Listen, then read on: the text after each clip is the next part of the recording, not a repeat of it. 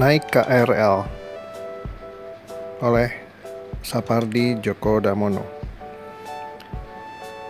Aku pernah kerja di sebuah majalah berita ketika masih berkantor di Senen. Setiap hari harus naik angkot gonta-ganti tiga kali dan setiap masuk kendaraan kepalaku ter- membentur bendul pintu yang rendah. Sedikitnya dua kali seminggu. Begitu. Jadi, satu kali jalan tiga angkot. Pulang balik enam angkot.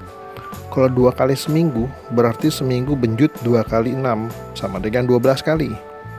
Sebulan empat kali, dua belas sama dengan 48 kali benjut. Akhirnya tidak ada bagian yang bisa benjut lagi karena seluruh permukaan kepalaku sudah benjut. Lambok naik KRL aja mas, nyaman, kata seorang gadis cantik yang duduk dekat ketua redaksi. Ia wartawan baru. Ya kenapa tidak begitu saja dulu-dulu, pikirku.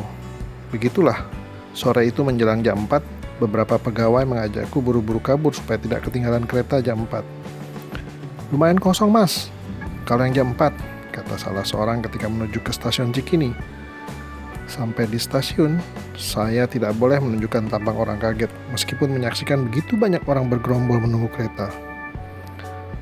Apa gerbong-gerbong nanti itu muat? Tanyaku dalam hati.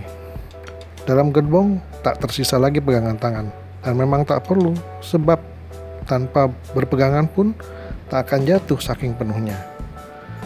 Sepatu menginjak sendal, dengkul beradu dengkul, bokong menyenggol bokong. Sampai di stasiun tujuan, tidak perlu berusaha apa pun, aku terbawa turun tergencet orang-orang yang berdesakan.